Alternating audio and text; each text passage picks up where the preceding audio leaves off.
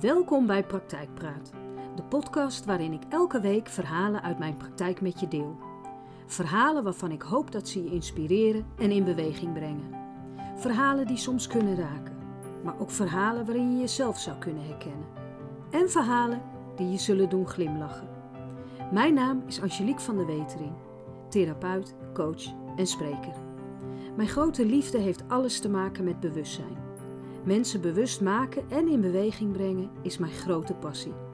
Ik heb het allermooiste vak van de hele wereld en ik neem je dan ook graag mee in de verhalen uit de praktijk. Ik wens je heel veel inspiratie.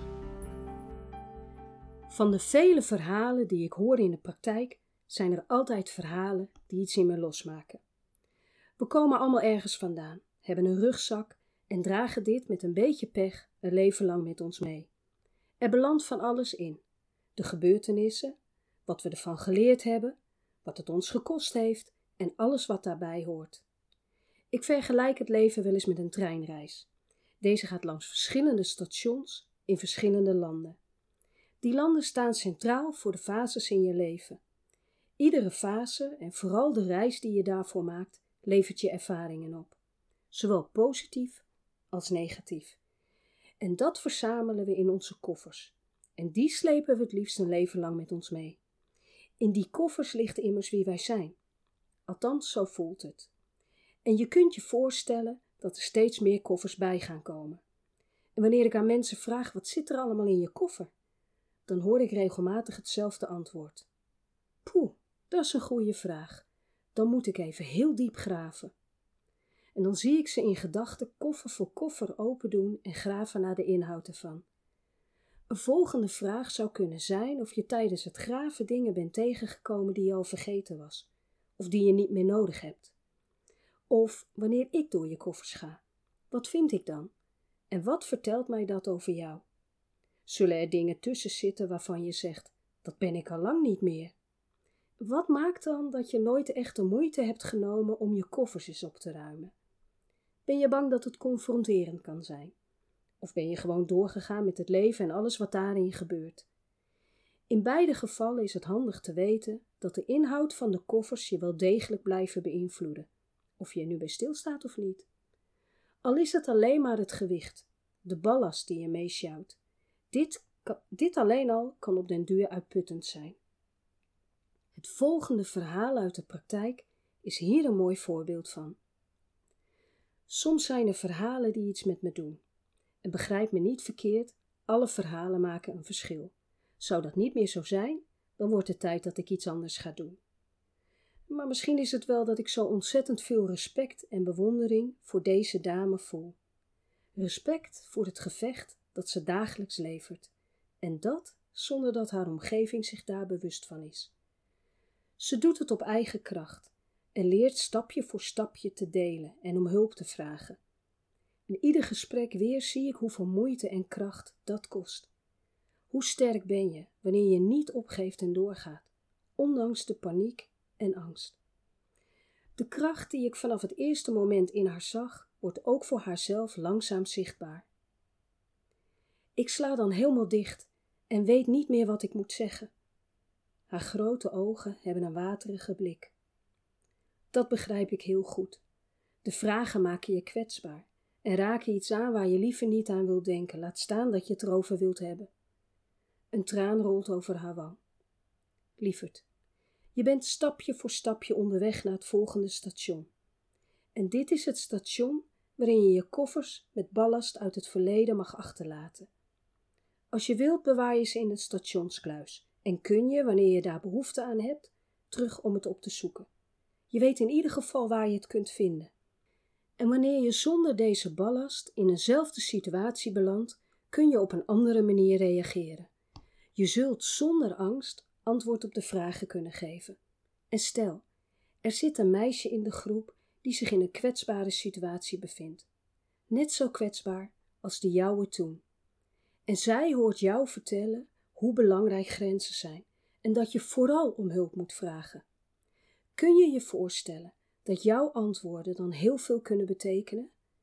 En wanneer je uitlegt dat je dit weet omdat je het zelf hebt ervaren, dan geef je het gevoel dat het niet gek is en dat ze niet de enige is. En misschien, heel misschien, durft ze daarom om hulp te vragen. Ik blijf even stil omdat ik zie hoe haar dit raakt. En dan, lieverd, is alles niet voor niets geweest. Wanneer je aan de slag gaat met je verleden, deze verwerkt of een plekje geeft, dan kun je de ervaring zonder de emoties met je meenemen. Een ervaring zonder emotie is wijsheid. Je hebt ervan geleerd en kunt er je voordeel mee doen, voor jezelf en indirect voor een ander. Werken aan jezelf is niets meer dan zorgvuldig de inhoud van je koffers bekijken. Zit er iets in waarvan je zegt: dat heb ik niet meer nodig? Vraag je daarbij dan ook af waar je volgende reis heen gaat. Kun je het gebruiken, neem het dan mee. Zo niet, laat het achter. Waar wil je heen? Wat laat je achter? Wie wil je zijn? Op deze vraag krijg ik wel eens het antwoord: maar ik ben al iemand en ik kan mezelf niet veranderen. En mijn standaard antwoord is dan dat dat niet klopt. Ja, je bent al iemand. Maar is dit de persoon die je wilt zijn? En ja, jij kunt wel zeker veranderen. Als wij mensen niet konden veranderen, dan zou dat betekenen dat we niet leerbaar zijn. En geloof me, dan zouden we nog steeds met z'n allen in een grot wonen. Wat verandering in de weg staat, kan ik samenvatten in drie copingstrategieën. Het eerste is onze comfortzone. Het tweede is kiezen voor de weg van de minste weerstand. En het derde is aangeleerde hulpeloosheid. Hoe makkelijk is het niet om te blijven waar we zijn? Het is bekend, vertrouwd en we nemen er vaak genoegen mee en sussen onszelf met de woorden: het is niet anders. Wat ik dan wil weten is: waarom niet? Vertel me eens, wat maakt dat het zo is? En om uit je comfortzone te komen moet je moeite doen. Al die koffers openmaken, kijken wat erin zit en wie zegt dat dat gaat helpen? Want het is je moeder bijvoorbeeld ook nooit gelukt, je broer ook niet. Dus waarom zou het jou dan wel lukken? Ja, sommige dingen zitten ook gewoon in de genen, is wat ik wel eens hoor. En dat is een mooi voorbeeld van aangeleerde hulpeloosheid. Het heeft toch geen zin. En dit alles is oké. Als je hiervoor kiest, prima. Het is jouw leven en of je nou wel of niet zelf de slingers ophangt, of dat je een leven lang wacht tot een ander het voor je doet, het is oké. Waarom? Dat we allemaal een vrije wil hebben, het vermogen om te kiezen. En wanneer je ervoor kiest om het leven je te laten overkomen, dan is dat een vrije keuze. Dit levert regelmatig uitdagende gesprekken op. En bijna standaard zinnen als: Maar ik heb hier toch niet om gevraagd, ik kan hier niets aan doen. En wanneer ik een voorbeeld schets waardoor er een andere uitkomst zichtbaar wordt, gaan veel mensen in de weerstand. Bewust worden van wat je doet. Bewust worden van wat er in je koffer zit is niet eenvoudig en kan enorm confronterend zijn. Logisch, je kijkt naar dingen die je er soms onbewust bewust inhoudt. Alleen als je je daar bewust van wordt, kun je het veranderen. Je denken, je doen en je gevoel. En verwacht niet dat je binnen een week een ander persoon bent. Je doet dit waarschijnlijk al jaren zo. Wanneer je je bewust blijft van je gedachten, je gedrag en je gevoel, dan zal dit langzaam gaan veranderen. Je gaat eraan wennen om meer in mogelijkheden te denken.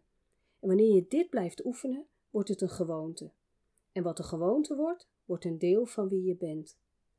Hoe belangrijk verandering kan zijn, geeft het volgende gedicht heel mooi weer. Als ik blijf kijken, zoals ik altijd heb gekeken, blijf ik denken zoals ik altijd dacht. Als ik blijf denken zoals ik altijd heb gedacht, blijf ik geloven zoals ik altijd heb geloofd. Als ik blijf geloven zoals ik altijd heb geloofd, blijf ik doen zoals ik altijd heb gedaan. Als ik blijf doen zoals ik altijd heb gedaan, blijft mij overkomen wat mij altijd overkwam. Wie het heeft geschreven, weet ik niet. Maar hoe mooi vertelt dit wat er gebeurt wanneer je bijvoorbeeld gelooft dat je niet kunt veranderen. Dat jij nou eenmaal jij bent. Dat het in je genen zit en je er daarom niets aan kunt doen. Ik hoop dat dit verhaal je inspireert die dingen anders te doen die je nu zo in de weg staan. Ik weet dat jij het kan. Nu jij nog. Dit was weer een aflevering van Praktijkpraat. Heb je na het luisteren van deze podcast vragen of suggesties? Stuur me dan een mailtje. Dat kan naar info apenstaartje. En oh ja, vergeet je niet te abonneren, dan mis je geen enkele aflevering meer. Dankjewel voor het luisteren en graag tot de volgende aflevering van Praktijkpraat. Wat fijn dat je weer luisterde naar een aflevering Praktijkpraat. Dank je wel. Zou je door middel van een review willen laten weten wat je van deze podcast vindt? Dat is heel eenvoudig. Ga naar de podcast-app waarmee je deze podcast luistert en klik op reviews. Laat bijvoorbeeld 5 sterren achter en wanneer je wilt ook een geschreven review. Heel erg bedankt. En heb je naar aanleiding van deze podcast vragen, opmerkingen of suggesties? Mail dit dan naar info apenstaartje Wanneer je nou denkt dat deze podcast interessant zou kunnen zijn voor een vriend, een vriendin of bijvoorbeeld een collega, dan zou het super zijn wanneer je de podcastaflevering doorstuurt. Wil je alle podcastafleveringen overzichtelijk onder elkaar? Abonneer je dan op deze podcast. Klik in je podcast-app op de button subscribe of abonneer. En elke keer als er een nieuwe aflevering gepubliceerd wordt, ontvang je automatisch een berichtje. Nogmaals, dank je wel voor het luisteren en heel graag tot een volgende keer.